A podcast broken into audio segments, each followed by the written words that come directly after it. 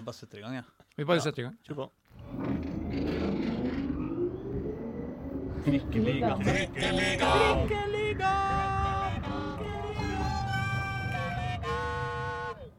Mens alle andre ser med store øyne på 2021 og tenker at endelig er det forrige drittåret ferdig, og nå skal alt bli bra, sitter vi her i Trikkeligaen og tenker det motsatte. 2020 som det vakre, praktisk talt perfekte året for Oslo-fotballen skal nå bli erstatta. Hva skal vi få i 2021? Kan det bli noe i nærheten av like bra? Ikke veit jeg, men velkommen skal du i hvert fall være til et godt nytt år, kjære lytter, og godt nytt år også til deg, Reidar Solli. Eh, tusen takk for det. Det var veldig raust, syns jeg. Jeg er, jeg er god sånn også til deg, Pål Karstensen. Takk for det. Godt nyttår til deg òg, Aslak. Takk skal du ha. Ja, det er sant. det. Jeg heter Aslak Borgersrud, og er også glad for å være her. Vi har en, eh, en eh, Altså, nå er jo sesongen ferdig, så da må det bli litt andre type trikkeligasendinger fra oss her. Og i dag har vi tenkt å snakke om eh, spillerstaller, overganger og treningskamper.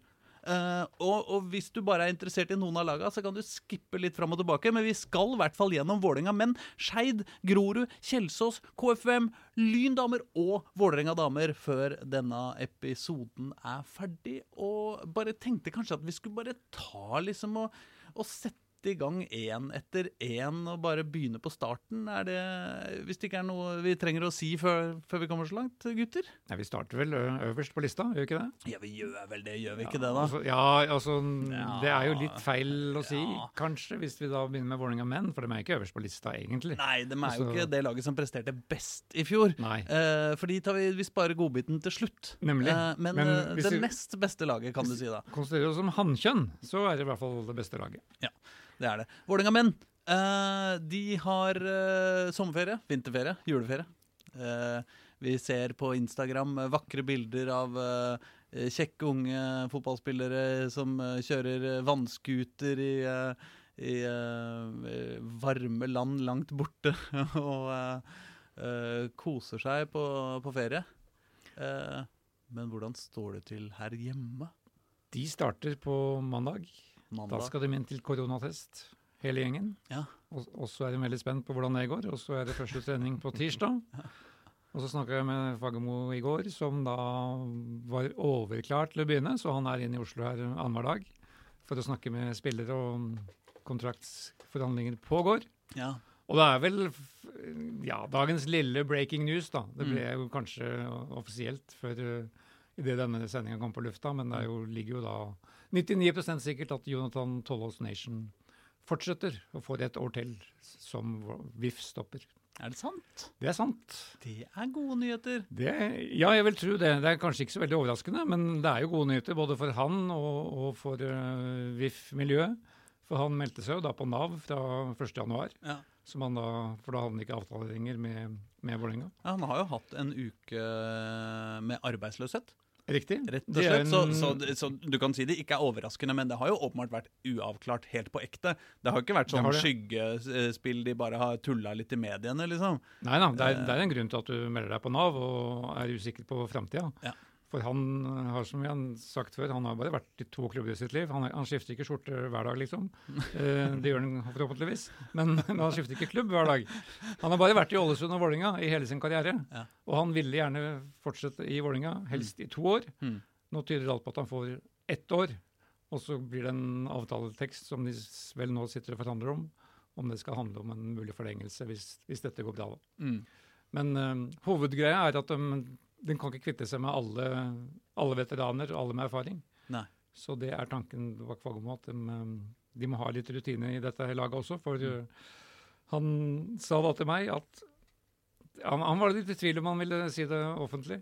Men Mm. eh, jeg, jeg husker ikke helt han, Det var ikke rent off the record, men han skulle ta gull, han, sa han, med Vålerenga. Ja.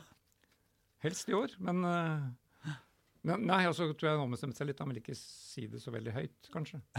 Men kjenner jeg ham rett, så gjør han det etter hvert. Det, det, det er det vakreste jeg har hørt fra en journalist noensinne. Jeg husker ikke helt om det var off the record eller hvordan det var. Nei, det, Vi får håpe det ikke var en veldig statshemmelighet som, eh, som eh, det var de Det innerste tankene går vel ikke utover noen eh, om s- løfter det fram. Ja. Men eh, de holder på med å sy sammen den stallen, da, så Ja. han må jo vente til å se til slutt hvordan den kommer til å se ut. Men han får i hvert fall en mye lettere jobb, da. For han slipper å, å slenge seg ut og, og finne en uh, ny midtstopper. Eller i hvert fall han slipper å finne en, en ferdigutvikla, rutinert midtstopper uh, som kan ta gull. Ja. Han, uh, nå kan de holde seg med De har jo noen midtstoppere i, i stallen som er unge og lovende. I hvert fall én. Brage Skaret har de jo. Ikke sant? De har Brage Skaret, eksempel, som helt sikkert kan komme inn på litt i 21-sesongen hvis uh, Tollås sine, sine knær eh, fusker. Ja da, altså faset, han, han fikk jo da sin debut i siste kampen eh, Mm. mot start. Mm. Det var en grunn til det, at han fikk det. Mm. Og så har de Jan Fredrik Holmé i, i bakgrunnen, som også er en stoppertype. Så de, har- han er jo veldig opptatt av å blande, blande talent med, med rutine Mm. og skape dette til et vinnerlag. Og så skal de jo da ha for hvis, hvis ja, jeg regner med at De som da går inn på Vålerengas hjemmesider med jevne mellomrom, hvis du Mm. går inn der nå, så Mm. ser du at det er 20 mann i Asdalen. Ja. Der står Jonathan Tollos Nation. Mm. Der står ikke de tre andre som også ble takket av på, etter bransjekampen. Ja. Så Magnus Lekven og Herolin Sjala og Benjamin Stokke, de er, Mm. de er ferdige. De er ferdige. Og så skal de ha møte i morgen, altså onsdag, med en 04-gutt og en 03-gutt. Så Ja. de er veldig opptatt av å fòre opp med unggutter nedenfra. Ja, hvem er disse? Det er da mm, Magnus Beck Risnes. Å, Risnes. Det er et eh, godt Vålerenga-navn. Dette er et veldig godt Vålerenga-navn. Nå har jo han vært i, i stallen der og rundt rekruttlaget lenge. Mm. Men nå vil de rett og slett ha han inn i, i A-stallen, og de skal diskutere den muligheten med han i morgen. Og dette er da sønnen til eh, selveste Dag Risnes. Dette er selv, sønnen til selveste Dag Risnes. Han har vunnet, uh, Som vunnet eh, serien med Vålerenga, eller Han- nei, er det bare han- cupen han har Han vunnet? han ble cupmester i 1997 I 97, ja. med, med Vålerenga. Oh, det- Det var en veldig sånn uh, artistisk spiller, men veldig tekniker. ja. Han, han jobbet også da senere i NFF, har jobbet der med trenerutvikling. Mm. Så han har jo en eh, Ja, så hans yngste sønn av dette her, da. Magnus. Mm. Men dette er Kongsvinger, er det ikke? det? Dag dette er Kongsvinger, ja. Ja. Stemmer. Men eh, ja, Kongsvinger før han kom til Vålerenga, ja. Ja. Ja. Jeg, bare føler at Dag Risnes er egentlig en Kongsvinger-spiller. Ja men så adopterte vi han selvfølgelig, og så ble han en Vålerenga-spiller. Men, men, eh, men eh, Magnus Risnes, den, den, den nåværende Risnes, da, er han vokst opp i, i Oslo? Eller er ja, det de tror jeg var oppvokst i Oslo. og Ja, Han har jo en sønn til i VIF-systemet. Han er jo på rekruttlaget. Martin, som er da noen år eldre. Ja, han er en U-lederårgang. Mm. Så Risnes leverer. Ja, ja men det er bra. Og så er det en annen gutt som de også skal snakke med, som heter Mathias Emilsen. Ja. Han fikk ikke så mange kamper på annetlaget i fjor. Jeg tror han har bare fire eller fem kamper. Mm. Men han har jo vært i systemet. Mm. Men har da tydeligvis imponert uh, Fagermo såpass mye både på trening og det lille han har sett, at han vil ta han inn i, i A-stallen og trene med laget. Oh, ja. Og det er vel litt sånn for å gi disse gutta um, et læreår Ja. på høyeste nivå. Du kan ikke forvente mye spilletid, men, Nei, uh, nei, men de være disse, der. begge disse er midtbanespillere. Begge er midtbanespillere, ja. Ja, og der er det ganske trangt. uh, Der er trangt om plassen. Altså. plassen. Kanskje særlig for unge, fremadstormende spillere. Ja, for der skal jo, nå- ligger noe kortene at nå skal Odin Tiago Holm inn i dette laget fra, fra i startelveren. Mm. Og han skal bli den dominerende figuren på midten der. Og etter alt det snakket om jakt eh, på kantspiller eh, i Vålerenga, som vi kan komme litt tilbake til senere, så tyder vel mye også på at Osame Sarawi først og fremst skal spille indreløper til eh, i 2021. Det er et åpent spørsmål, tror jeg. Det er kanskje det. Ja, Ja. eh, Det er vel mange som likte den så han på, på vingen i fjor. Ja. Han skapte vel sine største øyeblikk der. Eller det kan jeg, nei, det kan det være faglig uenighet om. Men han avsluttet i hvert fall veldig med stil, da. De har jo også Sekarias Oppsal, Ikke som vender hjem fra Tromsø. Rykka Mm. opp med Tromsø. Fikk Mm. masse skryt fra, fra ledelsen i Tromsø. Mm. Vålerenga snakka jo med han nesten hver gang, eh, hver dag eh, når han var der. Veldig store forhåpninger til det Sekarias eh, Oppsal kan levere i år. Mm. Men igjen, sant, som du sier, Odin Tiago Holm skal jo inn, og nå skal det sånn bevise at han er det største talentet da, i Norge siden Martin Ødegaard, som eh, Dag Eilef eh, hevder. Eh, og du har jo, i tillegg til de som faktisk er etablert på den midtbanen fra før, Ja. så blir det jo ikke lett for noen andre å få noe spilletid på, på den sentrale midtbanen. Så derfor så er det og, veldig veldig bra, fordi å ha den her eh, anvendeligheten til Osame, at han både kan spille sentral midtbane og på, og på kanten. Ja. De skal jo selvfølgelig ha inn en kantspiller, men Ja. hvis du da får kan bruke Osame og Aron Dønne på hver sin kant, så er det jo ikke krise eh, der heller. Men de kan jo, jeg vet ikke om de må antagelig gardere seg om at, eh, at det kan bli salg i løpet av våren med Osame, som er jo et svært ettertrakta navn. Ute, uten, også utenfor Norge. Det er mange ettertrakta navn på det Vålerenga-laget nå, i forskjellig ja. grad av uh, På forskjellige måter, egentlig. Men jeg mener, det er jo Kristoffer Claesson uh, kan nok uh, sikkert mest sannsynlig få et år til i Vålerenga før han eventuelt skal ut. Men han er jo et av de største keepertalentene i landet. Og, og det å spille så fast når du er så ung, på såpass høyt nivå er jo ganske sjelden for en keeper. Og så har du en viss høyrebekk i Borchgrevink som har gjort et, sitt store gjennombrudd. Også en veldig, veldig ung og moderne back-type. Så har de jo den godeste Ivan Nesberg da, på stoppeplassen, som det også har vært eh, rykter om, og som heller ikke er umulig at kan forsvinne nå i, i vinter. Eh, som jeg har ikke eh, Sjekka, Nei, altså sjekka ryktebørsen der uh, i det siste. Så, derfor, så det er jo mange, mange, å ta av uh, Eller det er mange man liksom plutselig kan risikere å, å miste. Da. Ja, og derfor er det veldig spennende nå når overgangsvinduet åpner vel 15.1. Mm. Og Vålerenga tror jeg kommer til å hanke inn ett eller to såkalt store navn. Mm. Altså etablerte spillere. Mm. De, han sier jo det, han, han, skal ha en blanding av ungt, mm. helst fra Oslo, mm. og så for å vinne ligaen så må du ha noen tunge navn som kan gå rett inn i elveren og styrke laget. Mm. Og da er jo det store spørsmålet som alle lurer på, og som heller ikke vi veit, mm. hvem det blir. Og hvordan, mm. de tenker per i dag. Det har jo vært noen navn som har vært slengt litt rundt, er det ikke det, Pål?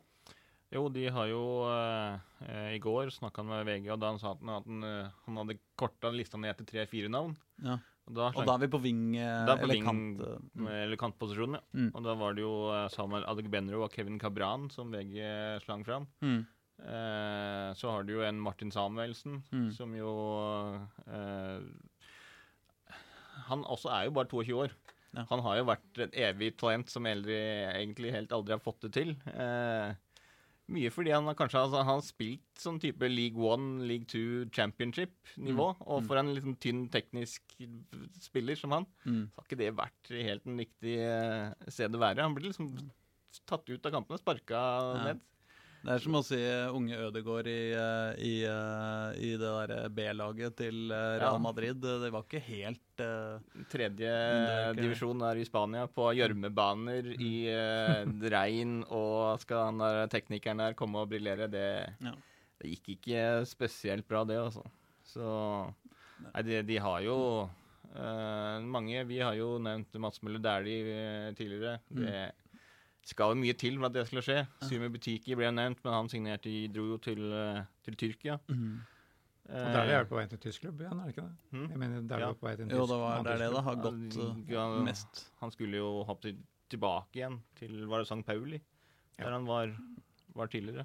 Kristoffer Welde har vært nevnt, har jeg sett, som et uh, alternativ. hvis vi trenger enda en en uh, hårfin uh, kantspiller i Vålerenga. Ja, han var jo to, da. Kan du ha noe Dømme på hver sin kant? Kanskje ingen, ingen ser forskjell. Men jeg må jo si uh, helt personlig, da, er jo at uh, Adeg han, har, han, får til det mesterstykket, sånn jeg ser det, å spille på Rosenborg og likevel være umulig å mislike. Han er jo altså, Det har... syns jeg er helt utrolig. For jeg, jeg, har veldig lav terskel for å mislike spillere på Rosenborg. Altså. Ja, Det vil jeg tro. Ja, ja. altså de, de, de, får, de, får, jo en sånn egen sånn arroganse med morsmelka der oppe. Men Samuel Samuel altså, han bare Uansett hvordan han spiller, og han ser så blid og hyggelig ut, og alltid liksom positiv og Jeg hadde jo et par år sammen med Adegbendro i Viking, ja. når jeg jobba i Viking. og mm. Altså, han, Det er en gledesspreder uten, uten like. Mm. Han, er veldig, altså, han er veldig glad og positiv hele tiden. Mm. Sprer, altså, ler, kommer med masse vitser. Altså, han er en Selv om han har hatt litt han har jo blitt bedre med, med språket med årene, mm. men han har alltid prøvd liksom være liksom, den gledessprederen mm. hele tiden. Mm. Og det er liksom eh, Sånn er det på, på, trening og det. Hvis han blir, eh, blir takla, f.eks., så mm. ruller han rundt et par ganger, og så skriker han litt, og sånn, og så hopper han opp igjen. Det ble jo litt sånn at uh, de uh, fysioene og de som skulle ta vare på han, liksom, mm. de sa sånn Nei, det er ikke noe, er ikke så farlig å gå ut, gå ut etter han og sjekke om han er skada eller ikke, for han er aldri skada. Så han bare går litt rundt, og så Men han har vært, altså, han er jo mye skada i Rosenborg. Han, han blir jo skada. Men på de treningene som han er, så han har han veldig lav terskel for å legge seg ned og rulle litt og, oh, ja, sånn, og litt sånt. Og så ha det litt sånn vondt, og så går han opp igjen og er like blid og går på igjen. Men det er jo da Fagermo ekstremt opptatt av. Han skal spille inn som kan trene full guffe hele tida. Ja, Og så han sant. stiller veldig krav til å kunne være med på alle treninger og kamper. Så Så, så få inn en, en fyr da som, eh, som har dårligere knær enn Reidar Solli, det er kanskje av- ikke Nei, jeg tror ikke det er det anbefaler. Så det gir den litt dårlige odds. Ja. Men jeg bare lurer på, Aslak, Hvordan var dine mentale, taleinnstilling da da Johan Leder Bjørdal kom til Vålinga, som hadde tung bakgrunn i Rosenborg? Eh, Altså, det, er, det er noe spesielt å hente spillere derfra. Ja, altså, jeg, jeg, vet du hva, jeg hadde ikke lagt så tydelig merke til han i, i Rosenborg. Så han var ikke så, det var ikke så mye av en issue, okay. Issue for meg. Altså. Nei. Nei jeg, jeg, jeg må jo si altså, jeg, er jo blitt eldre enn jeg var eh, før. eh, så jeg har jo på en måte ja. i litt større grad akseptert at også fotballspillere er ekte mennesker som har lov til å gjøre livsvalg eh, på egne premisser. Og du veit får lov til å flytte til den byen de har lyst til, og, og ta de jobbene de jeg, jeg, jeg skjønner jo på en måte det, men, eh, men eh, eh, Altså, eh, la- oss si Aron Dønnum, da. Er jo en spiller som jeg syns er kjempekul. Eh, Jeg er jo superfan av Aron Dønnum. Men det er klart at i det øyeblikk Aron Dønnum går til Stabekk eller, eh, eller eh, Rosenborg, eller som det jo faktisk har blitt nevnt, eh, Bodø-Glimt, altså da kommer han til å bli Eliteseriens minst sympatiske spiller. Eh, Det vil jeg bare sagt. Altså Overgangen er kort, egentlig. Det kan være, ja. Kan være. Ja, men, men det er jo noe med ja, altså, La oss si Bernt Hulsker, da. Ja. Han var jo en kar som var veldig fint å eh, Altså Du visste alltid hvor du hadde Bernt Hulsker. Eh, altså Hvis han var innafor 16-meteren og hadde valget mellom å, å skyte eller å kaste seg, så var du jo alltid helt sikker på hva han, hva han, hva han ville velge. Eh, sånn sett var han jo en, en finfin fyr. Men det er klart han også er jo ikke en spiller du setter pris på eh, når han spiller på et annet lag enn ditt eget. Det vil jeg tro. Det, det må det være lov å si. Og, og sånn tror jeg kanskje Aron Dønnum eh, kan, kan risikere å være. Litt sånn Kristoffer Welde også er, vil jeg tro. Mhm. Ganske mange likheter mellom Welde og, og Aron Dønnum. Så hvis du skulle ha to av de på samme lag på hver sin ving Nei, det, det låter jo som litt mye Møllers eh, Men denne YF-kabalen så handler det jo også om disse innleide, utleide spillerne da, som de nå henter tilbake igjen. Vi har jo Mm. nevnt han, eh, han, eh, Oppsal, som jo går, er jo en høy, høyaktuell for, for elveren. Men Mm. eh, det er klart disse andre, Sander Wernie og Brede Sandmoen mm, um, Ja, kom med har vi jo nevnt. mm. De er jo da i Ja. Skal de være i stallen? De har jo også antydet at de kommer til å leie ut noen spillere på nytt. Ja. Så um, de er jo i den kategorien. da, Ja. den. Men det, ja, det er vel flere av disse som, som eh, vel nå kanskje begynner å nå en alder hvor det er rett og slett litt for trangt. hvor hvor potensialet deres ikke helt ser ut til å være stort nok til at, dem, til at Dag Eilev kan, kan finne en plass på dem. Altså, den, altså jeg mener, se på den Særlig midtbanen. da. Det er, jo, det, er jo den som, det er jo den som er drøy nå. fordi at eh, det er klart I Forsvaret har, man, har jo Vålerenga nå egentlig ingen backup på noen plasser. Eh, De har jo for, altså, de har Felix Horn Myhre. teknisk sett både Johan Lede Bjørdal på kontrakt til sommeren, Også, også, ja. ja, det sant. også Felipe Carvalho.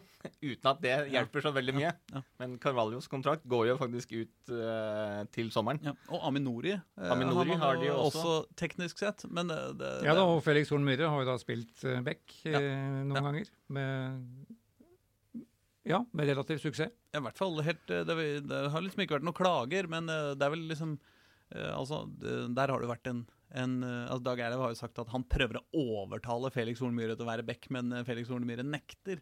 Uh, han har jo sagt det med et smil, altså, så jeg Ja, ja. tror det er ikke noe at uh, men, men det kan jo uh, Altså, Som- Felix Hornmyhre er jo en veldig praktisk fyr å ha, og kan være reserve på veldig mange plasser på laget, og særlig da kanskje i forsvarsfireren, hvor det hvor det er minst dobbeltdekning.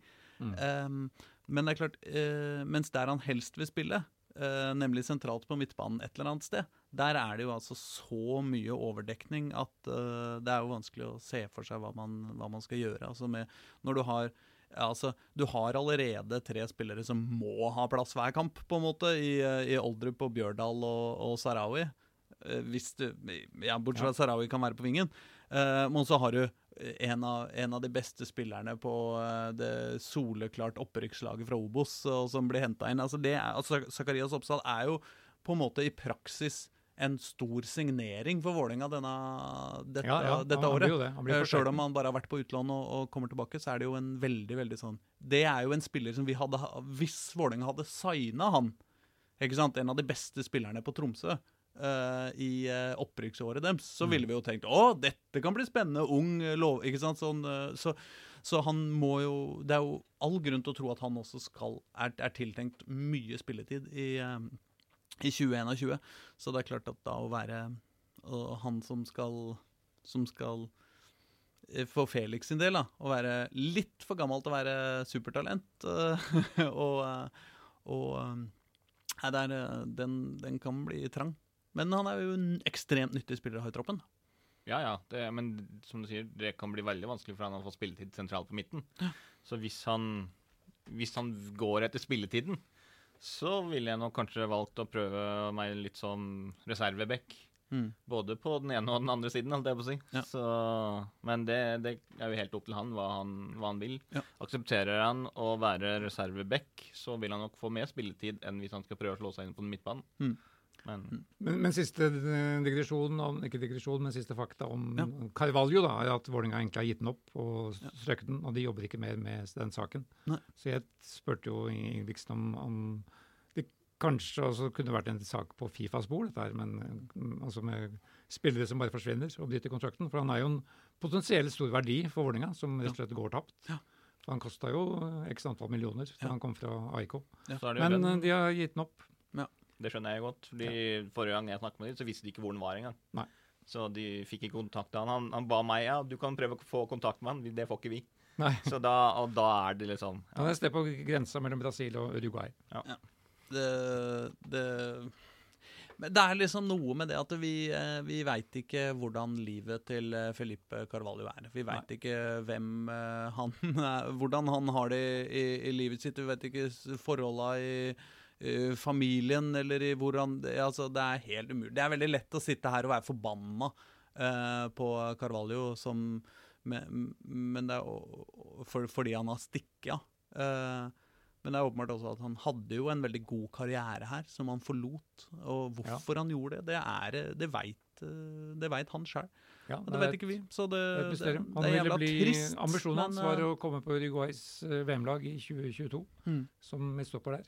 Det tror jeg er ganske fjernt akkurat nå. Det Ja, det- skal jo mye til. Men det er jo i hvert fall um, Vi får håpe det går bra med han, på en måte. Det at, får han, vi håpe. at han uh, har, et lykkelig liv. Er er Beklager å være han karen, altså, men uh. han er en fantastisk fisker, så han likte seg i Oslo bare på det, for han kunne fiske i Nordmarka. Han var jo fritidsfisker de luxe. Ja, Ikke så er- verst er... midtstopper heller, faktisk. Nei. Men eh, eh, ellers, eh, når vi først er på Vålerenga-troppen og spillere som har vært og ikke har vært, eh, så har jo Bård Finne nå forlatt oss. Han har spilt én uh, tre... klubben, i hvert fall. Ja. Ja, ja, ja, ja, ja, ja. Nei, eh, og landet, da. Men, men eh, han har jo signa for Sønderjyske, og han er der på plass i laget. Har allerede spilt én treningskamp mot Århus Fremad eh, og skåret mål. Men det var riktignok en 6-0-treningskamp, så gud veit hva slags kamp det var. Men det, det er hyggelig at, eh, at eh, verdens beste bitte lille bergenser Ja. eh, fikk, eh, ser ut til å i hvert fall du vet, eh, kanskje finner sin plass i, i Sønderjyske. Ja. Men treningskamper skulle vi over til. Ja. Der, er, der har de jo avtalt eh, 1, 2, 3, 4, 5, 6, 7, 8, 9 Var det vel? Ja, de, de starter jo da 5. februar, og hele denne vinteren kommer til å handle om Intility Arena. Oh, ja, De har ikke gjort før. De eksotiske treningsleirene er over. Mm. Som Fagermo sa til meg her eh, rett før nyttår, det ville jo være umoralsk av Vålerenga å reise på treningsleir. Mm. For det passer seg ikke i våre dager. Mm.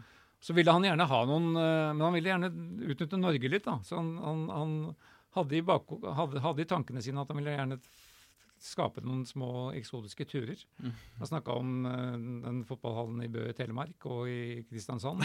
Men når ser oppsettet har kommet, så er det jo da endt med to, to reiser ut av byen. Til eh, Bodø og Aspmyra, hvor du da møter eh, seriemesteren 19.2. Og så kanskje den mest eksotiske reisen da til Nammohallen på Raufoss 12.3. Og den bussturen over Lygna og langs Einavatnet er, er jo veldig attraktiv. da. Så jeg tror de kommer til å Det- blir altså mm, utflukten istedenfor treningsleir i Marbella og, og Spania og ja. hvor de ellers har vært tidligere. Ikke sant? Eh, eh, strandsanda er erstatta med gummigranulat. eh, og frossen gummigranulat på Oslo Ø. Oslo Jeg må si at jeg også er litt skuffa over det. Fordi jeg har vært nå tre år på rad Mar Marbella. Veldig fint å være der eh, på Har du det på, på, på tur fra Dagsavisen? Ikke ved Dagsavisen, da, nei. men i, eh, i Rogaland Avis. Ja, ja, det. Når jeg har fulgt Viking. Mm. Ja, da, vi, men vi var på Marbella i fjor men da, da Vålerenga var der nede, så vi pleier jo å, å følge dem. Men det er eh, veldig fint der. var- Nede ved Puerta Banus der, og mange ulike restauranter du kan gå på. Mm. Mye god mat. Og. Det, er er fint, det, det er noen fine bakerier når du kommer til T-banen til Helsfyr, så er det veldig bra, det er veldig bra utvalg ut på, På godt brød der. Fyrstikktorget der. Ja. Eh, godt ja, riktig. Sats på, sats på det. Vi må, vi vi må benytte nær, Vi må heise opp nærområdet. De har jo sagt at de skal fikse opp eh, si, Intility. Ja. Eller at de kan liksom være mer på stadion. Ja. Så da kan vi vi kan spørre om vi kan få låne en sofa eller noe sånt, og så legge oss inn på, på Intility der en uke og være der på treningsleir. Eneste marerittet for dette er vel Stig Ove Sandnes, som er stadionsjef, og som må fyre opp Intility. da, For eh, nå er vel strømmen tredobla eh, i pris.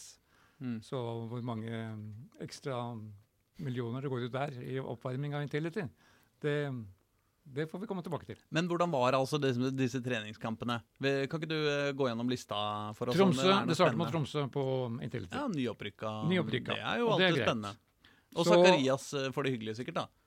Kan, kanskje Zakarias Oppsal kan spille én kamp, én omgang for hvert lag, eller et eller annet. Der bør han være med. Og så er det Sogndal da 12. februar, Ja. også på Intility. Mm. De hadde jo en fantastisk kamp her i Romjula på Intility, Ja. da de tapte for Mjøndalen. Mm. Hvis det hadde vært VAR i norsk fotball, så hadde jo de spilt i Eliteserien og ikke Mjøndalen. Mm. Men det er ikke VAR i norsk fotball. Og det kom en gammel uh, Vålerenga-stopper og, og redda, redda Mjøndalen. Riktig. Og så er det Strømsgodset da uka etterpå. Det er vi 19. februar. Skal jo være planke hjemmeseier. Og så er det Bodø-Glimt på Aspmyra. Borte, borte, borte enest, ja, en, en av to bortekamper. 5. mars. Lett borteseier der, eh, regner jeg med. Nøyaktig fire uker før seriestart. Ja, Bodø-Glimt har mista halvparten av laget sitt. da. Sinkernagel og alle de der. Så, Ja. så nå, er det, nå går det nedenom hjem for Bodø-Glimt neste år. Men det er jo da det eneste laget Vålerenga møter som egentlig er bedre enn dem. I, Ja. som vi, vi kan komme tilbake til om, om, om dette programmet er bra nok. Mm. Så er det Sarpsborg 08 igjen uka etter det, på Intility. Så er det den omtalte bortekampen til Nammohallen på Raufoss, Mm. som vi må få sende Håkon Thon på, da, skjønner jeg, for han liker seg der. Mm. og så er det 19. mars mot K5, Intility. Og Oslo-oppgjør. Oslo-oppgjør. Det blir gøy. Oslo-oppgjør. Det, der, må vi, der må vi dra på med litt uh, ekstradekning, føler jeg. Ja da, K5 Oslo-Vålerenga, det blir en prestisjekamp. Ja. Tett opp mot seriestart. Og så er det generalprøven 26. mars mot IFK Gøteborg. Å ja. Og IFK Gøteborg høres jo veldig stas og avansert ut, men Absolutt. de er jo antagelig betydelig Det bør være Vålerenga bør være betydelig bedre enn dem. Ja. Så Altså, spørs jo om eh, Göteborg får lov til å komme til Norge, da. ja, det er, en, Det- det er en annen ting. Det er jo helt er en annen ting. uklart. Det vet vi ikke. Men, de får jo eh, lov å, er, å komme til Norge. Spørsmålet er om det må komme to uker på forhånd. Ja, Ja. Spørs om de gidder liksom å sitte to uker i karantene på et eller annet der. Men- IFK er jo litt sånn som Vålerenga var i forfjor, blir det jo nå, da. De kjempa jo for å overleve i Allsvenskan. Mm. Tolvteplass endte de på. Det var ikke noe De, de skal opp og fram. Roland Nilsson er trener for uh, IFK. Den eneste personligheten de har nå, det er treneren. Det er Roland Nilsson, gammel høyrebekk på den spilleren i Sverige med flest landskamper Oh, ja. uh, av utespillerne. For Thomas Ravelli har selvfølgelig flest av, av alle. Sveriges øh, eh, Jon Arne Riise. Riktig. Helt riktig. 112 landskamper. Roland Nilsson. Genialprøven. Og så vet vi ikke da hvem som blir første motstander nå, for da serieoppsettet kommer 20. Neste, januar. neste onsdag. Eneste vi vet, er at serien starter 5. april, som også er annen påskedag. Det blir koselig, da. Det blir koselig.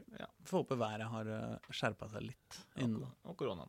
og koronaen. Ikke minst det siste, tenker jeg. Men spørsmålet er om dette programmet er, da, er det bra nok? Er det bra Mm. nok motstandere? Tidligere har de jo på disse internasjonale treningsleirene hatt mye mer internasjonal motstand. Mm. Um, men det er jo vrient nå å få til det i disse koronatider. Men um, Min følelse er jo at dette bør være overkommelige motstandere alle sammen. Unntatt Bodø-Glimt, kanskje.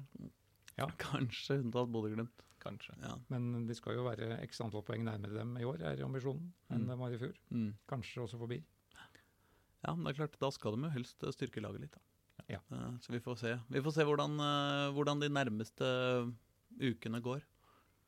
Og får håpe det kommer inn noe jævlig bra. Men vi må nesten Vi må vel gå videre. Absolutt. Nei, vi må, en, enda en til på Vålinga. Ja. Jeg har ikke sett det noe sted offentliggjort. Men de har jo ansatt en ny trener for annetlaget sitt, ja. som tross alt er et andredivisjonslag. tross alt. Øystein Sanden Ja. er Oslo-fotballens nye trener. Da er vi på Hånd, Håndplukket av Fagermo, selvfølgelig. Ikke sant? Kommer fra Skien. Ja. Har nå trent Odds G16-lag siste året. Mm. 29 år gammel. Veldig ung. Mm. Har vært trener i mange år. Vært A-lagstrener i Skarphedin. Selvfølgelig også den samme klubben som Fagermo har vært i. Mm. Bor i samme område, også der nede. Jeg husker vi snakka om eh, det under Ronny Deila. Uh, snakka man jo mye om Team Drammen i uh, Vålerenga.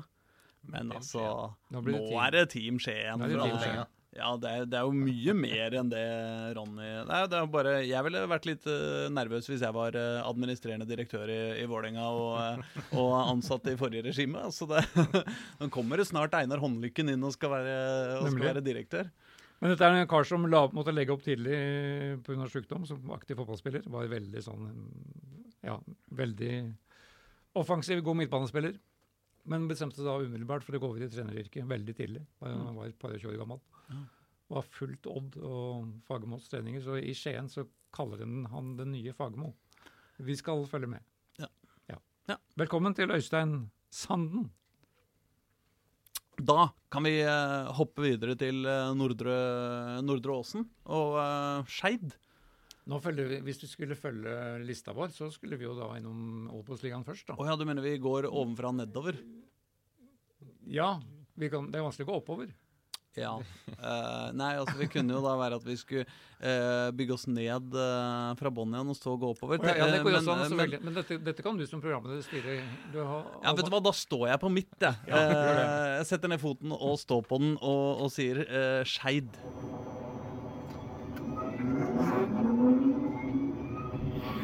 Neste stopp Nordre Åsen. Hva har skjedd der i vinter? Nei, si det. Nei, Nei de har, eh, de har erstatta keeper Ida Lysgård med Anders Gundersen fra Moss.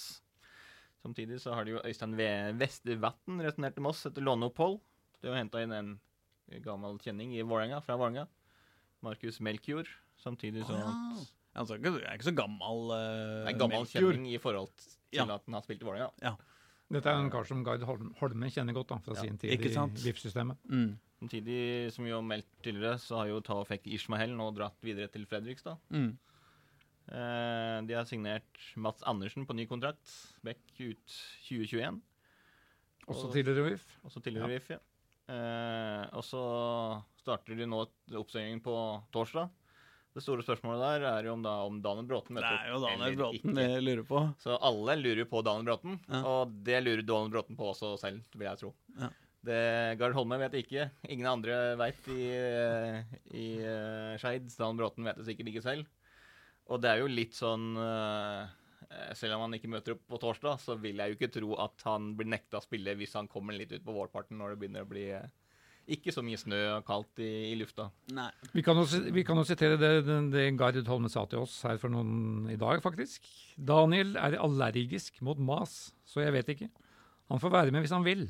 Daniel har jo, små, har jo også småunger og en samboer som er i full jobb. Vi trener på ettermiddagen.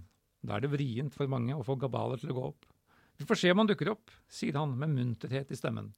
Men om han dukker opp nå eller i mars, spiller egentlig ingen rolle. Daniel Bråten blir bonus hvis han dukker opp. Eller ikke. Men det er klart det er ikke han som skal Det er ikke han de skal basere seg på, for å si det sånn. Nei, og så er jo Daniel Blotten en publikumsspiller, da, så det er jo klart eh, for eh, hvis, hvis, det, hvis det blir noe publikum i år, så blir det sikkert ekstra stas å ha Daniel Blotten. Eh, det, det, det, jeg mener Kommer an på hvilken jo se. stadion skal skal publikum på også. Mm. Om de skal få lov til å spille, spille hjemme. Nå Foreløpig så har jo ikke den uh, Nordre Åsen blitt ødelagt enda. Mm. Men eh, Nå er det vel litt snø og litt traktorer som er utpå der, sånt, så hvis de nå skal måke banen Eh, Nei, men du, altså Bymiljøetaten har meldt at det skal bli, eh, skal bli skøytebane. Er ikke det Er det På Nordråsen, ja. Nei, det er kanskje på Ja, men det, Ja, ja. nei, det er nok en annen eh, Det er ikke den sjølve Nordåsen. De tar nok ikke den og bygger uh, skytebane der. Nei, nei, det er jo Jeg har gått uh, lengdeløpsskøyter på, på den banen vi spiller på nå. Men dette var da i, dette er noen år siden. Da var det, men da var det, da var det, det var ikke i fjor. Det var grusbane, da var det grusbane på den nederste banen der hvor nå, som nå er Kamp Arena. Ja, ikke sant? Så, De men da, vi får regne med at det er en bane over der de skal Ja, gå på de har jo en del baner på baksiden der òg. Ja, og de har jo et uh, bandylag, ikke minst, i, to, i øverste divisjon. Mm. Men de spiller jo da på, på Voldsløkka. Mm. Men, uh, men jeg ble litt overraska is på Nordåsen. Jeg skjønner ikke helt hvor hvor den skal ligge. Nei, eh, her får eh. Dagsavisens isredaksjon, eh, som jeg tilfeldigvis er en del av Det er vel egentlig stort sett hele den redaksjonen. Nei, det er jo, det er jo Håkon Thon eventuelt, da. Ja. Som er Håkon is- Thon er egentlig med på alle reaksjoner. Da. Han bare som, Hvis han følger for det, så melder han seg. Det er sant. Men Skeis ambisjon er da kort og godt opprykk. Å, de mener det i år Ja, igjen? så de kan jo ikke mene noe annet når de kom til kvalik og røyk mot Asker da i Ja, det er jo ikke mange uker siden. Nei, Og så røyk Asker mot Stjørdalsblink. Så, så det blei som, det- som det blei. Men de skal jo helst styrke stallen litt, da, hvis de skal eh, rykke opp, tror du ikke det? Jo, de må ha en uh, Altså, han Ta- Taofek Ismail var jo eh, kanskje Vi kåra vel han til årets gjennombrudd der i, Ja. i, i fjor. Mm. Så eh, Det han også sa til oss, Gard Holme, treneren, er at det, det kommer inn flere. Mm. Så de er på, på jakt. Ja. Og uh, Holmen er en kar som kjenner Oslo-markedet usedvanlig godt etter sine mange år i, i Vålerenga. Mm. Og har gjort uh, vist å hente, hente, hente Gjøre smarte kjøp, da. De hadde jo han venstrebekken i fjor som gikk til KFM midt i sesongen. Det er jo Eh, samme, de kan jo, altså det er jo andre lag her som har, har kvittet seg med spillere. Både sånn type Vålerenga, men også i Obos-ligaen. Ja. Så det Og Gard Holme er som sagt en spiller som kjenner Oslo-markedet godt, så han eh, eh, han kommer sikkert til å finne noen gode, gode spillere der. Melkjord, eksempel, eh, tenkt, tiltenkt en tierrolle på, på, på midten her, skal være en kreativ, kreativ kraft. Samtidig så trenger du kanskje inn en, en kantspiller da, for å erstatte Tawfek Ishmael, som jo var, skapte litt uh, uro der. Mm. Eh, så, kan, så kan han avlaste litt uh, Jonny Per Budesson på topp med, med målansvaret. Så nei, det blir Men ellers eh, er vel sentrallinja intakt, egentlig, bortsett fra keeperen. da, som, Ja, som men- blir, eh, For han var, han var viktig, og har Ja. vært viktig. Men eh, De har jo bytta han ut med og sånt, og da vil Ja. jeg jo tro at de, de har funnet en, en mann som de er, de er fornøyd med. Ja, og så har de faktisk veldig bra altså De har to andre i stallen nå som, som er, holder et høyt nivå. Så Mm. Emil Fiskvik var jo en av ligaens beste for to år siden. Mm. Og er fortsatt i klubben, men har hatt mye skader. Men hvordan er det med, ser det ut med trenings... eh, med oppkjøringa der, da? Jo, det, det er vel det laget som har flest treningskamper, tror jeg. Jeg tror jeg talte elleve. Ja. Å ja, såpass. De skal ha veldig mange i LSK-hallen, tror jeg. Men de har jo da mm, Ja, de har, ja, det er mange her. De starter jo på, på torsdag med oppkjøring av første kamp. De skal også til Nammo Ja. i Raufoss. Alle skal til Raufoss. Ja, alle skal til Nammo. Det er, det er Raufoss burde ha det nå sånn. Alle skal til Raufoss. Ja. Burde egentlig de ha noe som nytt eh, slagord. Starter Ja, 21. de- januar, da. Anbefaler ikke regjeringa bare to besøk i uka eller et eller annet? Er det, er det innafor? Nei, så De har da, de, de byr da på en rekke Oslo-derbyer i oppkjøringa. Skeid KFM 6. februar. Skeid Kjelsås 6. mars. Grorud-Skeid 13. mars. Og Skeid Vålinga 2 20. mars. Så um, kortreist oppkjøring også på Skeid. Ja. Men veldig mange kamper. Ja, og det, dessuten Oslo-oppgjør altså ja. også der. Det setter vi jo pris på. Ja, ja. Alltid, alltid gøy. Da kan vi, eh, Kanskje vi burde sette opp en eh, tabell etter hvert for eh, trikkeligaen. Den faktiske trikkeligaen. ja, ja. eh, Med bare indre oppgjør. Eh, og se Hvem som egentlig er det beste laget. Ikke sant? Og hvis vi i tillegg, eh, siden det er litt vanskelig å si eh, Det er jo sjelden sånn at man spiller hjemmekamper og bortekamper og, og likt antall kamper mellom alle, så kanskje man er nødt til å gå for bokseregler. At det er en slags sånn stående eh, mester. Og så den som slår den, er den nye Ja, ja. mesteren. Ja. Den som står, går videre. Og så, ja. Ikke sant? Um, dette, får vi, dette kan vi gå og komme, komme, komme tilbake til for å finne ut av hvem som egentlig er det beste, beste Hvis, laget. hvis KFM slår. Vålerenga 19.3, så er egentlig dem Ja, det er det. mester, Oslo-mester. Ja, det, er det er egentlig en Oslo-finale allerede nå. Ja, ja, det er jo kanskje mer enn en finale, så er det kanskje en løpende sånn Hvem er den regjerende mesteren? Ja. Ikke sant? Nettopp. Og det, er- det, er til enhver tid den som eh, eier det fiktive trikkeliga-trofeet. Ja. Kanskje vi skulle lagd et sånt? Ja, ja, ja, ja. ja. ja, ja, ja. Nei, men Skal vi eh, bevege oss videre? Har vi vært gjennom ja. Skeid? Eh, Da kan vi gå til eh, litt, eh, litt lenger ut på trikke, trikkelinja hvilken, hvilken linje er det som går oppover der? Tieren, eller? Elveren. Elveren, ja. Elve Kjelsås. Elve Det som var litt eh, dumt der, sånn som i fjor, når det var eh, ombygging med den nye trikkelinja, Mm. så gikk alle de trikkene rett utenfor meg. For jeg hadde, hadde jeg både 17, jeg hadde 11 og 12. Mm. Og da kunne jeg bare ta den rett opp i Kjelsås. For jeg var jo nesten på samtlige Kjelsås hjemmekamper i fjor, som det ikke ble så mange av, fordi de spilte jo bare en halv sesong. Men nå går både 11 og 12 går til Kjelsås. Ja, men de Ja. går ikke forbi meg. Nei. Så nå må jeg ta 17 der opp Oi, til. Storo. Ja. Og så må jeg skifte der, gå opp i den der skråningen og ta ny opp der. Sånn. Så det er Så- fryktelig Men nå går den veldig fort opp, da, den nye nybygde Gressenveien. Så Ja. det er veldig, veldig fint å se. Så det er derfor alle dine intervjuer eh, med noen i Kjelsås begynner med Du, jeg snakka akkurat med noen i Skeid. Eh, bare fordi du bytta, bytta trikk Ja, eh, ved Nordre Åsen. Ved Nordre Åsen. Eh, nok Det er lokale Det er fire stopp videre fra Skeid til Kjelsås. Ikke sant? Ja. Men, eh, men eh, hvordan står det til oppe på eh, Kjelsås? Kjelsås står det bra til. Gjør det det? Jeg vet ikke. De, de har jo starta opp oppkjøringen. De viktigste signeringen gjorde de før jul, når de fikk Eivind Kampen til å signere på Mm. en ny treårskontrakt. Mm. Eh, Erik Loss Rossland, eh, midtbanespiller, signerte ny kontrakt. Så det henta opp igjen et par spillere på eh, oppe i A-salen. Eh, blant annet Jakob Emblem Olsen. Tatt opp Emblem er fint navn. ja, det er fint. Ja. Tatt opp i A-troppen. Spiller sentral midtbane. Og har vært i Kjelsås siden Altså, han var ti år når Eivind Kampen tok over Kjelsås. ja. Så det er jo litt gøy, når han da skal, skal opp og spille i A-troppen til Eivind Kampen. De har henta inn eh, Eivind Wilhelmsen. Han spilte jo for Kjelsås i fjor, da, i Post Nord-cupen, som var den som blir arrangert for de lagene som ikke gikk videre i, da, i eh, den uh, halvspilte på, Nei, halvspilte uh, Post Nord-ligaen. Når er VIF 2 ble mestere, da. Ja. Vålerenga vant med hat trick av Bård Finn i finalen, tror jeg. Ja, riktig. Så Post Nord-mestere. Mm. Eh, Wilhelmsen da, gikk fra Odd til Kjelsås. Sentral spiller også han. Uh, Henta tilbake Runar Brenden etter eh, noen sesonger i Valdres og Sagene for å forsterke på backplassen. Han var faktisk veldig god i Lyn da, da Lyn vant uh, tredjedivisjon med 15 poeng og ikke fikk lov til å rykke opp. Det var Runar Brenden en av deres beste spillere. Ja, Fun fact også. Han også spilte Vålerenga. Men det er da for Vålerenga 2s futsallag, Oh! der han da er ubeseira og har skåret seks mål i de to kampene han spilte mot Oslo Døvis og Sagene. Ja, ja. Så han er de veldig fornøyd med å få tilbake igjen på Kjelsås. Han har vært der et par sesonger tidligere. Så eh, der òg er det sånn at det kommer eh, sigende, holdt jeg på å si, nye spillere. De mista jo en del i, i fjor, Mm. som vi har nevnt tidligere. Folk som har tatt steget oppover i divisjonene.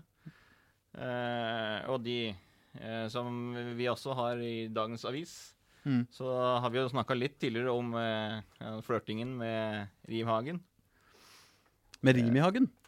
De har jo eh, Nei, jo. Jo. Jo. Jo, jo. Ja ja. Det var det som var i dagens avis.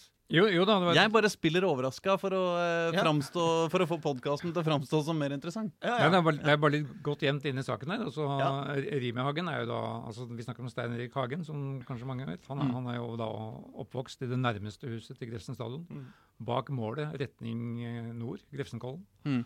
Um, og starta jo sin første butikk, som da ligger i ja, 300 meter fra Grefsen stadion. Der starta Rimi-eventyret for mange år siden. Men han har da dessverre aldri vært spesielt fotballinteressert. Men så har de liksom aldri Kjelsås ordentlig jeg, å gå i dialog med og på tiggerferd. Men nå er Eivind Kampen da litt frustrert over at han syns både KFM og Skeid og Grorud har rykka fra dem økonomisk. Ja. Eh, og da fabulerer han litt, litt rundt uh, tanken om hva, hva kunne skjedd hvis Rimi-Hagen hadde vært spons gått inn som sponsor i Kjelsås. Mm. Men uh, det, er, det er ingenting som tyder på at det vil skje. Men de kan jo drømme, drømme videre, for de ønsker seg en ny kunstgressflate. på Grefsen stadion. Og litt bedre fasiliteter. Det gjør alle, unntatt, Kjelsås er, unntatt jo, Bergen. Kjelsås er jo først, først og fremst for den store masse i Oslo en skiklubb. Mm. Det er jo en av landets beste skiklubber, langrenn, Mm. Um, med et flott anlegg. Men um, det er ikke tema for Eivind Kampen. Han vil skape et fotballag som vil, nest, som vil kjempe om opprykk. Det var et stort nederlag for dem å ikke klare sluttspill i fjor. Ja. I fjor så gikk det jo knallhardt ut og sa at vi skal gå Altså, vi, vi skal vinne, liksom. Vi skal rykke opp. I år så skal de fortsatt også rykke opp, men da er litt mindre knallhardt. Ja. Slik at de ikke må kjøre fullt så stor retrett da, når det viser seg at de ikke greide det. Ja. Rykke opp. Og fortsatt uten Rimi Hagen på laget. Fortsatt uten Rimi Hagen på laget. Så de har også en uh, raus med treningskamper som er uh, lina opp. Ser jeg. Eh, begynner 30. januar mot Gjelleråsen. Eh, så møter de Strømmen 6. februar. Eh, Grorud 13. februar. Kongsvinger 20. februar. Skeid 6. mars. Eh, Asker 12. mars. Alta 21. mars. Fram eh, 26. mars. Og Moss 5. april. Mye av de kampene spilles på Grefsen stadion, Ja. eh, på kunstgresset. eh, Et par i LSK-hallen. Kongsvinger i Kongsvingerhallen. Føyka, der har vi jo vært eh, tidligere. Og starter da på Li kunstgress mot Gjelleråsen 30. januar. Så de har ja. De har ikke spesielt stort reisebudsjett uh, i år, de heller. Nei, som ikke så mange andre har heller. Så det er vel eh, like, like greit, det. Så er det veldig pussig med denne andrevisjonen som vi ennå ikke veit hvordan det kommer til å se ut. da. Mm. Vi har ikke fått oppsettet ennå. Ja, vi-. Ja, Vi veit rett og slett ikke hvem som spiller i hvilke Altså hvilke lag de skal møte engang, Nei, veit vi ikke nei. egentlig. Nei. Og det er veldig rart. Det, det burde de hatt på plass, NFF nå, syns jeg. Så kanskje det kommer noe Mens vi snakker om det. mens vi snakker om det. De sa jo at det skulle komme i romjula. Både andre divisjon og tredje divisjon. Ja. Og det har de ikke gjort. Men De har vært for opptatt av å, av å eh, Brukt alle ressursene på å holde damefotballen ute av eh, medierettighetsforhandlingene. Og det har jo Ja, tatt de har en del tatt- kapasitet. Det har tatt mye energi. Det har tatt mye energi. Ja, ja. Ja. Jeg har ansatt så mye dørvakter Men- eh, foran, foran det forhandlingsrommet. Men de lyktes. Ja da, de greide det. Ja, ja. Så da, hele damefotballen er jo fly forbanna på NFF. eh, som vanlig. Og det, det virker vel ikke helt uforståelig eh, denne gangen heller. Nei. Men eh, det, det var jo ikke et Kjelsås-tema, egentlig. da. Det var bare en, eh, et sidespor. Skal vi da rykke videre eh, til, eh, til Obos-ligaen? Kan vi godt. Hvor vil du begynne? Da vil jeg vel begynne i, Neste stopp Grorud. i på Grorud. På Grorud. Ja. Ja. Et lag som tross alt greide å unngå nedrykk med, Nødskrik. med Ja. ja, halv, Ja, halvskrik. halv- Ikke et nødskrik, men et lite, et lite klynk, i hvert fall. Det var Ja, det var lite som skulle til i den siste serierunden der. Ja. Men, eh, men allikevel eh, Nyheten der er vel Erik Kjøne har blitt tatt ut i eh, Uefa Pro-kurs. Ja. Så vi får gratulere han med det. Sammen med skeidstrener Gard Holme. Ja. Eh, De, eh, de, de- de skal holde følge, disse trenere. ja, ja. Det er sånn det skal være, det. De har da mista Leo Kornic. Det snakka vi om tidligere. Han er jo på plass i Djurgården. Mm. Eh, Christian Novak fikk ikke fornya kontrakt. Mm. Han, hvis han vil bli værende i, eh, i Oslo, Mm. så kan jo han være en god eh, forsterkning for eventuelt Skeid eller Kjelsås. Mm. Hvis han eh, vil det. Kanskje Ja. Eh, Emil Ødegaard, keeper, eh, Lillestrøm-keeper, eh, har returnert til eh, etter tre års utlån. Magnus Langhoff Dalby har også gått tilbake igjen til Strømsgodset på utlån. Inn så har det ikke kommet så fryktelig mye til nå. Berkey Duman har blitt signert til U21-laget deres. Å, Og de har signert Thomas Elsebutangen på ny kontrakt. Så Men det er vel ikke si, Selv om uh, Eivind Kampen drev og skrev av eh, økonomien, og at de har gjort det så mye bedre enn de, så er vel ikke økonomien den største på, på Grorud heller. Så det er vel ikke sånn at de kommer til å signere uh, Messi med det første. Men noen signeringer kommer jo også på, på Grorud da, etter hvert som sesongen, sesongoppkjøringen skrider fram. Det er vel et eller annet steinbrudd der som kan uh, sponse dem, tror du ikke det? Jo, Ja. korona kan de jo ha nok av. ja. De starter oppkjøringen i morgen. Onsdag 13. januar, sannsynligvis den dagen det her kommer ut. Mm. Eh, kom på oppsettet, ja, for Obos kommer jo 20. januar. Eh, og før det så har de vel planlagt skal vi se, 1, 2, 3, 4, 5, 6, 7, 8 treningskamper. Så, så ja, Grorud er vel, eh, er vel alltid det samme på Grorud. Det er- Men slik det ser ut nå, så er det jo ikke da grunn til å tro at de da vil eh, havne så veldig mye høyere enn de kanskje gjorde i, i fjor, da. Altså, Nei, de, de blir opplagt uh, nedre sjikt. Mm. ja, Men så har. Eirik Kjøne vist en han, han har en god nese for å hente billig arbeidskraft Ja. Til smarte løsninger. Ja. Så det er det de må basere seg på. Hans kontaktnett er eh, stadig voksende. Og han er veldig eh, god trener, i Kjønne, som er altså, flink til å få laget til å fungere. Mm. Og det er jo det som gjør at det, altså, de trakk jo i Groruds retning helt på tampen i fjor. Mm. For han har, jo, han har jo et par spillere som jo eh, har skilt seg litt ut, men så er det jo en, en lagenhet som jobber sammen, som skaper uh, poeng. Og sånn som i fjor, det holdt akkurat å- til å unngå, unngå nedrykk. Og det, det er vel der de er uh, nå. Eh, nedre sjiktet eh, ligger litt sånn på bunnen av tabellen kjemper mot, mot nedrykk. Mm. Og det er, vel, det er vel der vi kan forvente at de ligger i år også. Så håper vel de å ta en eh, å utvikle laget og gradvis komme oppover. Kanskje ta og kjempe om med Koffa om motsatt fall, da, som jo går for, eh, for opprykk i kvalifiseringen. Men det som slipper han jo den tunge ekstrajobben han hadde i fjor da, med å være i Team Lagerbäcks analyseteam. Ja! Og han brukte jo da et halve året på, på å analysere Israel, som Norge kunne møte hvis vi hadde slått Serbia i en kvalikkamp som egentlig skulle vært spilt i mars. Så han analyserte jo Israel i månedsvis, som det aldri ble brukt for. Og Så han har kanskje veldig gode kilder da, i Israel-fotball. Så kanskje plutselig så kommer det opp et talent eller to fra Israel som han har dukka opp i analysearbeidet til Altså, det er uh, Sisyfos-arbeid å drive og være analytiker for kamper som kanskje ikke skal spilles. Så, Ja Men han viser jo han viser jo da hvilken status han faktisk har, har fått i norske trenermiljø når han ble henta inn i analyseteamet til Norge. I tilfelle viser det jo hvilken status han har mista da når han ble tuppa ut igjen. Ja, men det, han har ikke blitt tuppa ut, for så vidt. Men nå har det jo kommet nytt regime og en eh, ny trener som ansetter sine kandidater. Så da der er det kanskje ikke plass til kjønn i den kabalen. Men han sier jo også sjøl at han ikke har tid til det. For nå har han fått alt dette Uefa Pro-kurset, som tar tid. Mm. Som starter i mars. Og det er den høyeste trenerutdannelsen du kan få i Norge. Som du må ha for å kunne trene på øverste nivå. Mm. Så mm, kanskje det kommer Grorud til gode. Han får analysert Groruds motstandere enda bedre enn han fikk i fjor. Og ikke minst i deres nye lokaler. De har jo, Mm. det var jo høstens nyvending på Grorud at de fikk den nye hallen sin. og de fikk flytta seg fra brakkebyen og inn i ordentlige lokaler. Kan vi jo håpe på at de her kampene her, som de skal spille treningskampene på Grorud Arctic Match, ikke må da pressen sitte utendørs der, oppe på de der eh, brakkene der i eh, snø og vind og minus ti grader. Hadde jo, hadde jo vært en fordel.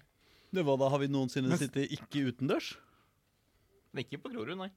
Nei, men på noen Altså, kamper er jo stort sett Utendørs, ja ja. Men det er, og treningskamper i januar-februar er drit uansett. ja, er... Så lenge du ikke er på Marbella, da er det veldig bra. Beste arenaen i fjor var i annen divisjon, faktisk. Jeg var på Meløs stadion, oh, ja. Moss. Mm. Der er det da innendørs presseanlegg. Den, den, er bygd fra den gangen Moss var en storklubb og var i øverste divisjon. Der var det ikke snakk om å sitte utendørs. Sandnes og har innendørs. Haugesund er innendørs. Men tilbake til Grorud er da regna altså Selve banen deres Mm. er veldig populær. Jeg ser de skal vel ha nesten alle treningskampene sine der. Ja. Og kan jo minne om at Bodø-Glimt var faktisk eh, De spilte deres første treningskamp i fjor, i januar, på Grorud. Fordi de mente at det er en av de beste banene i Oslo å spille på. Mm. Selv om ikke vi er like fornøyd med fasilitetene rundt banen. Rundt banen er Så banen er, er bra. Sportslige for dem viktigst. Så de begynner jo da eh, mot Fredrikstad 28. Da har de Fredrikstad i Østfoldhallen. 6. februar møter de Ullkisa hjemme på Grorud. 13. februar så møter de Kjelsås i LSK-hallen. Nok et Oslo-derby. Ja, Eh, bortsett fra- jeg teller det som Oslo Derby De hvis det foregår det. på Lillestrøm. Nei. gjør det ikke det? Nei. Det er jo to. Oslo-lag. Det, det er ikke med i Ja, det, her må vi komme tilbake til. Hvordan vi skal sette opp de her innbyrdes-tabellen. det blir komplisert, altså. Ja, det 20. februar så møter de Strømmen. Nytt oppgjør da mellom eh, kameratene. Eh, LSK-hallen, ja. 24. februar mot Raufoss. Igjen i Raufoss. Mm. Raufoss er veldig flinke til å ikke dra noe sted. Raufoss skal ha alle kampene sine hjemme. De kan ikke dra ut av landet. Ja, Ja, er- eh, Raufoss. Eh, 6. mars eh, møter i Sandefjord i Sandefjord. 12. mars eh, spiller de mot Skeid på Grorud. Og 27. mars møter de Notodden hjemme på Grorud. Ja. Så det er det de skal spille i oppkjøringen.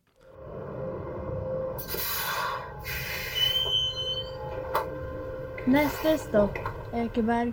Men da tror jeg at vi skal ta Jabru-trikken opp til Holte og gå eh, de eh, tunge 500 meterne opp til eh, KFUMs bane og på Ekebergsletta. Ja, Hvordan er livet hos de, de kristne foreninger for unge menn og kvinner? Det er usikkert. Foreløpig. Eh, hvis eh, Stian Sortevik, Robin Rask og Bilal Injay blir med videre, så vil jeg jo tro såpass, ja. at eh, livet der er ganske greit. Mm. Blir de ikke med videre, så blir det ganske dårlig stemning i de kristne miljøer der også, for det er tre spillere som er veldig, veldig viktige for, for KFUM. Um, Ja, for de, de to unge disse, Rask og, og eh, Bilal, eh, de, er, eh, de er begge sånn altså overgangskandidater, ja, de ønsker seg jo å spille høyere opp. Ikke sant? Bilal kommer jo fra Odd. Mm. uh, har jo vært innom Vålerenga. Han ønsker seg oppover i, i systemet, og Robin Rask ønsker jo også å prøve seg på et høyere nivå i Eliteserien. Så begge de to håper jo å kunne få en kontrakt med et klubb høyere opp i systemet.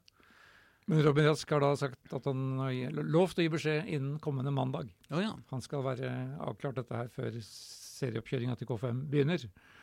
Men er som du sier, eh, så er det veldig spennende med Stian Sortevik. Mm. Og der er jo det er bare snakk om å legge opp, eller Ja, ikke? ja, for han er 34 eller 33? Ja, og han, eller han hadde dårlig samvittighet for um, samboer og unger og ja, det, Mm. det meste som var. Mm. Og klassisk dilemma. Han sier at han har kropp til å fullføre to sesonger til. Men uh, Og det håper jo da K5 vil skje. Han var litt mye i skadeproblemer i vår, men var jo viktig mann i, i, i høst. Mm. Men skal vi regne inn uh, K5 som et opprykkskvaliklag, så må disse, i hvert fall to av disse tre være med videre. Ja, i hvert fall. Ja. Hvis alle tre forsvinner, og de ikke greier å, å erstatte de med spillere på høyt, like høyt nivå, Mm. så Altså, spøker kanskje ikke for nedrykk, men eh, det målet om å klare den her eh, opprykkskvalifiseringen og kanskje endelig rykke opp, det får seg en voldsom skudd for baugen hvis alle de tre her eh, velger å, å gi seg. De har jo de har signert én spiller. Eh, det er jo Aron Kiel-Olsen fra Bærum. Mm. Han er midtstopper. Eh, han har henta inn eh, litt delvis for å dekke over eh, Jørgen Hammer, som er ute med skade fram til mars. Uh, Bautaen i eh, Koffas eh, midtforsvar, som signerte ny kontrakt i fjor. Kiel Olsen han har jo gått gradene i Bærum, eh, gått på Norges toppidrettsgymnas. Eh, god fysikk, god med én mot én. Kan også vikarere som back hvis han eh, trenger det. Dessuten nok et glimrende navn. Altså, jeg, jeg ser for meg mange ordspill som kan bli artige i løpet av sesongen. Hvis eh, Kiel Olsen Har, har du eh, et eksempel? Nei, nei, det er bare, det er bare på en måte v- sånne verb i imperativ eh, som gjør seg godt som mellomnavn, syns jeg. Ja, Eh, Kiel Olsen. Kiel Olsen. Ja, ja nettopp. Ja. Men et annet navn som trigger deg, er jo Daniel Fredheim Holm. Ja, Som vi, absolutt. trodde, som vi alle trodde skulle var ferdig da han ble skada i fjor. Og vi hadde vel nesten et avskjedsintervju med ham. Mm. Men nå kan Jørgen Isnes fortelle oss at han er i opptrening. Oi! Og vi har ikke utelukka at han faktisk kan bli spiller på feltet også denne sesongen. Oi. Fordi han har en lettrent kropp. Og hvis han blir frisk og tåler kjøret, så Ja, i, i så fall så blir, kan vi jo se på han som en, kanskje en forsterkning, da. Selv om han er oppe i en anselig alder etter hvert, han også. Men interessant at de ikke har gitt at han er faktisk aktuelle spiller i stallen. Det er jo altså Hvis du har en kapasitet som det han har, Mm. og han greier å trene seg opp igjen, så er det jo altså, Du trenger jo ikke å si nei takk når han allerede er i klubben. Ja. Så det kan bli interessant, det. Men, Nei, han, er, jo- han er jo assistenttrener fortsatt, og skal fortsette som det. Vi får regne med at han hever mesteparten av lønna si som det, og ikke Ja. som uh, eh, det, Altså, men skjønner så er ingen av treningskampene på K5, for der begynner vel ombyggingen og for, forberedelsen av en ny stadion. stadion. ja, Ja. de begynner Så med det de nå, ja. det er jo et spennende prosjekt som kanskje da vil begynne å synes dette året her.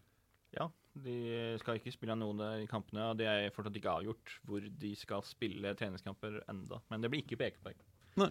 Så det blir vel ikke kamper på Ekeberg heller, så vidt jeg vet, i år. Fordi de skal jo Ja, bygge ja.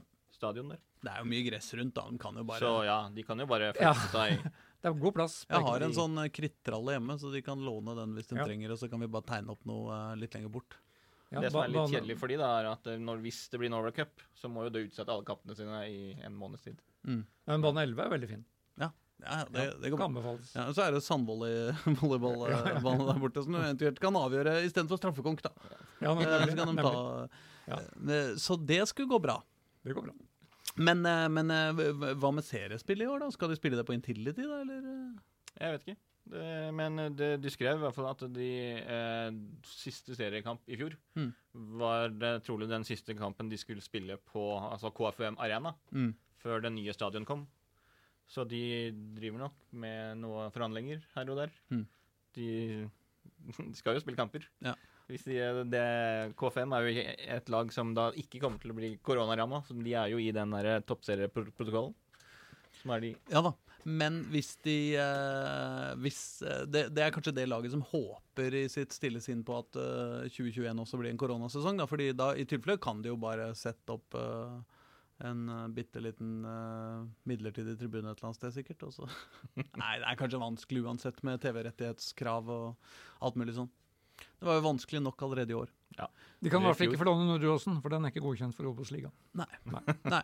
Eh, Så vidt den er godkjent for å spille der de spiller nå. nei, men da de har uh... Nei.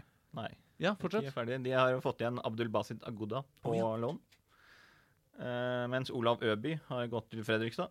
Eh, Tobias Collett, Janis Mola og Emanuel Trudar fikk ikke fornyet sine kontrakter. Mm. Så sånn ser den situasjonen ut der. Og hvis vi kjapt skal gå gjennom treningskampene deres, så møter de jo da Moss 30. januar, Skeid 6. februar, Sarpsborg 20. februar, Nordstrand 24. februar, Mm, HamKam. det, blir, det blir oppgjør også, da. Nordstrand, Eh, ja. Koffa Nordstrand. Brødre- Brødre, brødreduell. Ja, ja. HamKam 5. mars, Ullkisa 12. mars, Vålerenga 19. mars og Strømmen 27. til 29. mars. Oi! Det, det blir lang kamp. Sannsynligvis så skal de spille Er ikke den helt avklart, da? En av de dagene. Det er ikke sånn at du skal spille den kampen over tre dager. Eller kanskje det er uh, hjemme og så G16, borte. G19 og A-laget. Men, eh, men, Men- men det er ikke avklart hvor noen av disse skal være. Men Nordstrand, kan de spille kamper? Nei, ikke per i dag. Det er- Nei, nei, det, Nordstrand får ikke det. Det er det samme for mange av de andre her òg, som møter lag nedover i divisjonene. Ja. Så per i dag er ikke de, har ikke de lov til å spille, faktisk. Altså trening, nei. Så det er jo mange sånne treningskamper som jo da er eh, Det er litt sånn som vi, vi snakka jo med eh, Lyn om det her. Mm.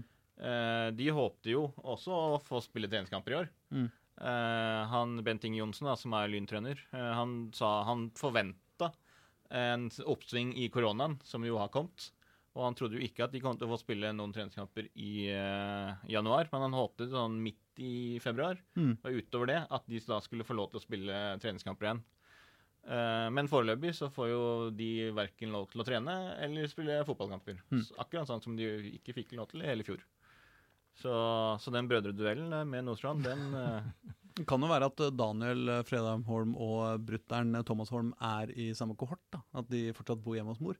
og dermed kan møtes. Eh, De to, da. ja, til, hånd, til håndbak, da. Ja, det, Ja, ja, eller, til- til eller sandvolleyball, da.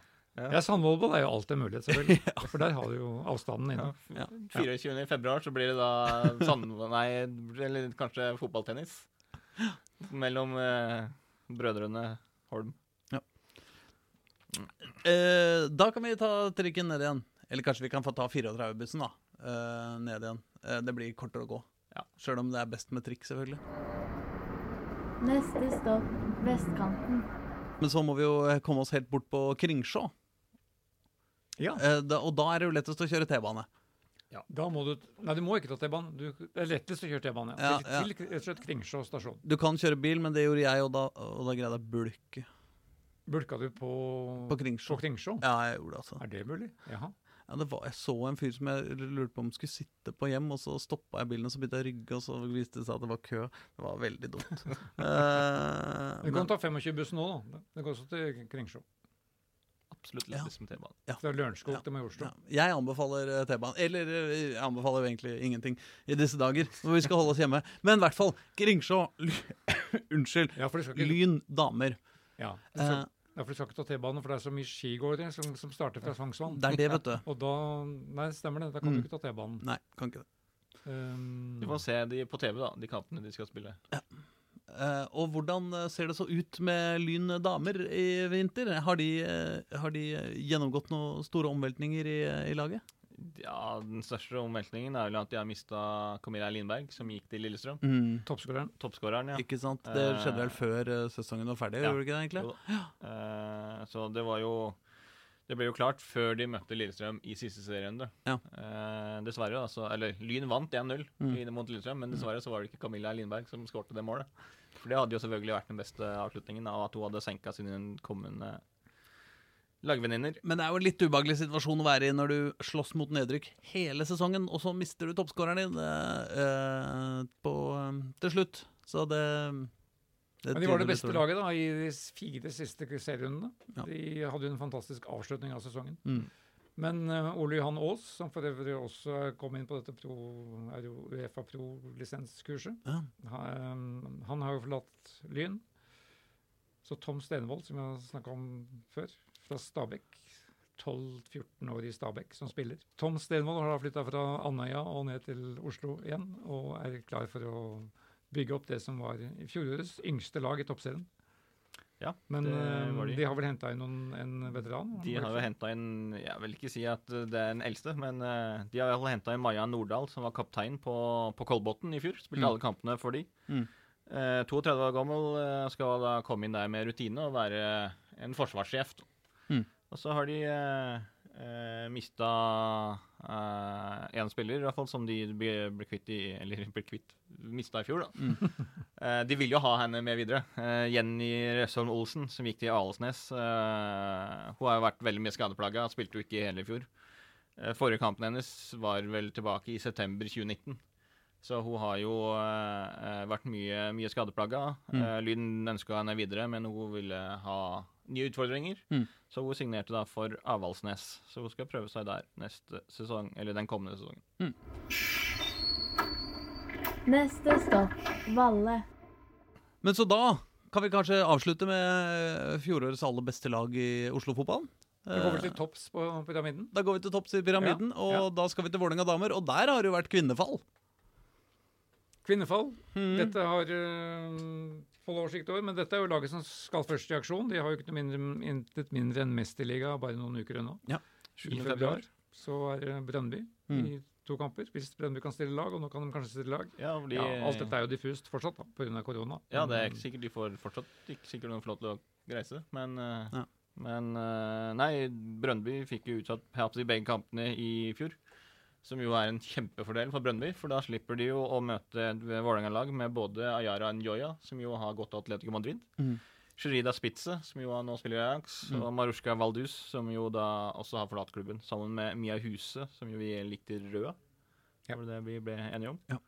Så de har jo mista en, eh, en del spillere der. Ja, og, og det idiotiske er jo at de heller ikke får lov til å bruke At Vålinga ser ut til å ikke få bruke de, eh, de spillerne de, eh, de har signa som erstattere for disse spillerne. Ja, det er jo pga. Uefa sitt eh, regelverk som ikke tillater å registrere nye spillere før en viss dato, og det tror jeg er sånn 25. februar eller noe sånt, så Mm. åpnes det for å registrere til Mm. de neste rundene da, i Mesterligaen, fordi de kampene her skulle jo egentlig vært spilt. Og når da Vålerenga møter Brøndby eh, hjemme 7. februar, og eh, Brøndby borte da i Brøndby 14. februar, Mm. så får de da foreløpig ikke lov til å registrere det.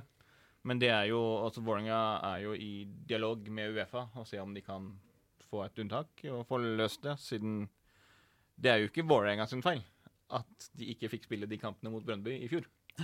Så får vi jo se, da. Om Snev var sunn fornuft vil jo tilsi at at dette løser seg. ja, På den andre sida, altså. Uefa har veldig sjelden sunn fornuft.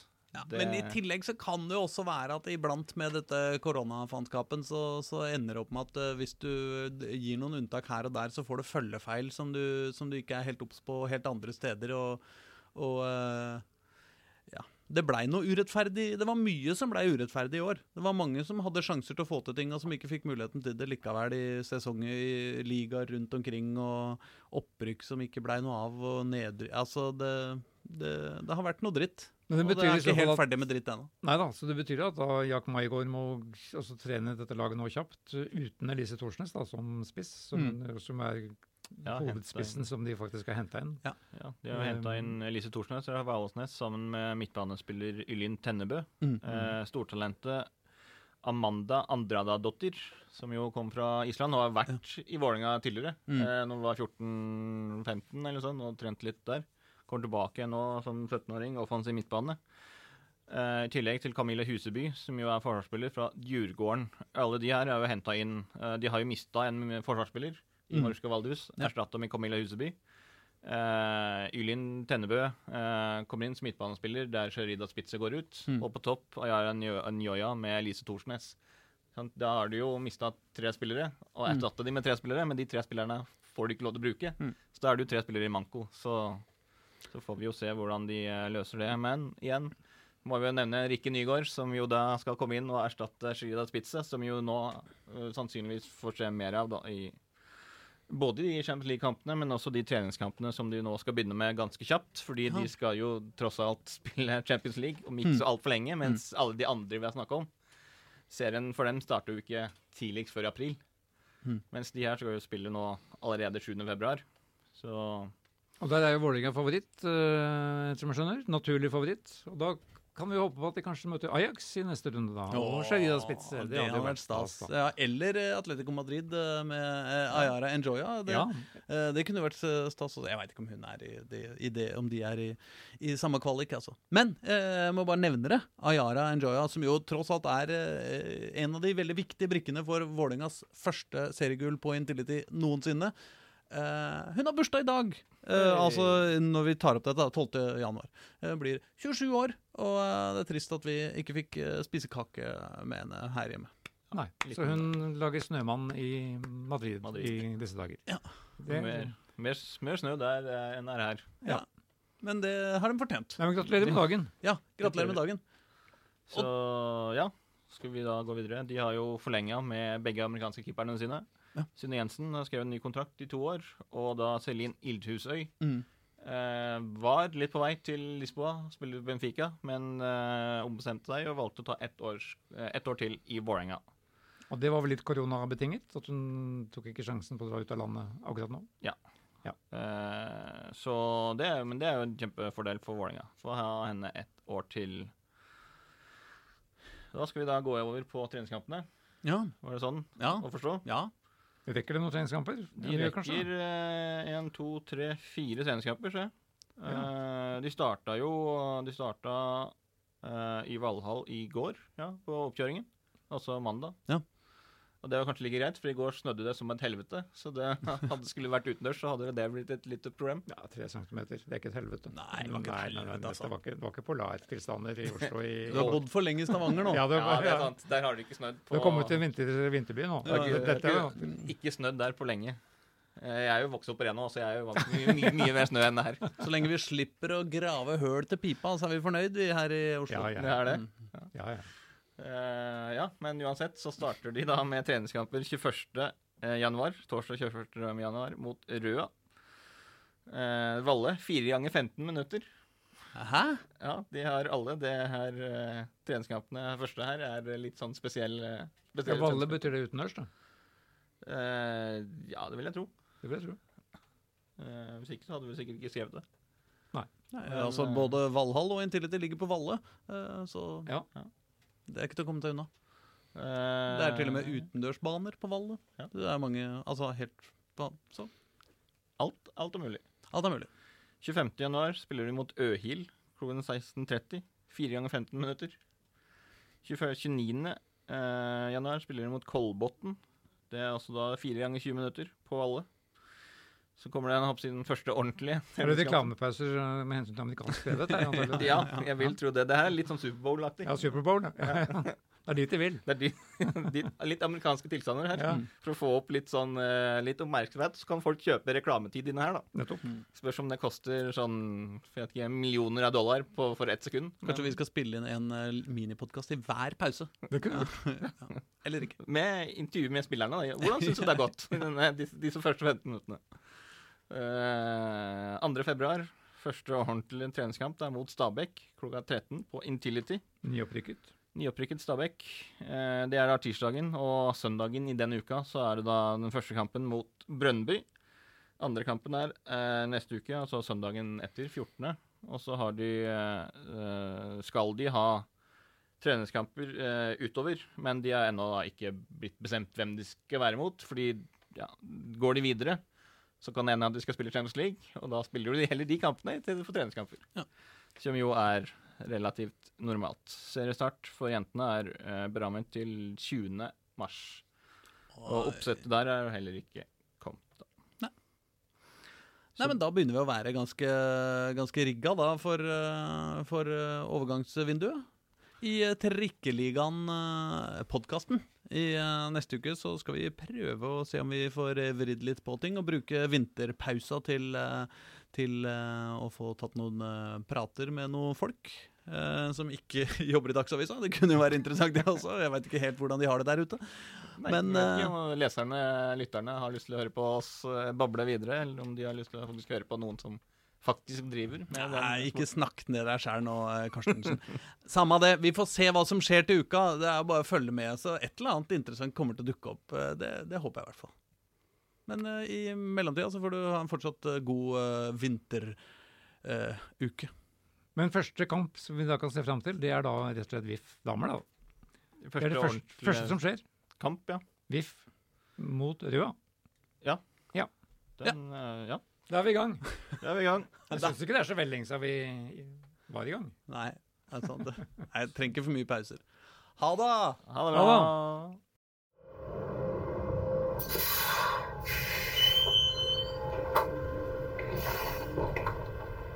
Du har hørt en podkast fra Dagsavisen. Ansvarlig redaktør heter Andreas Heen Haaland Karlsen.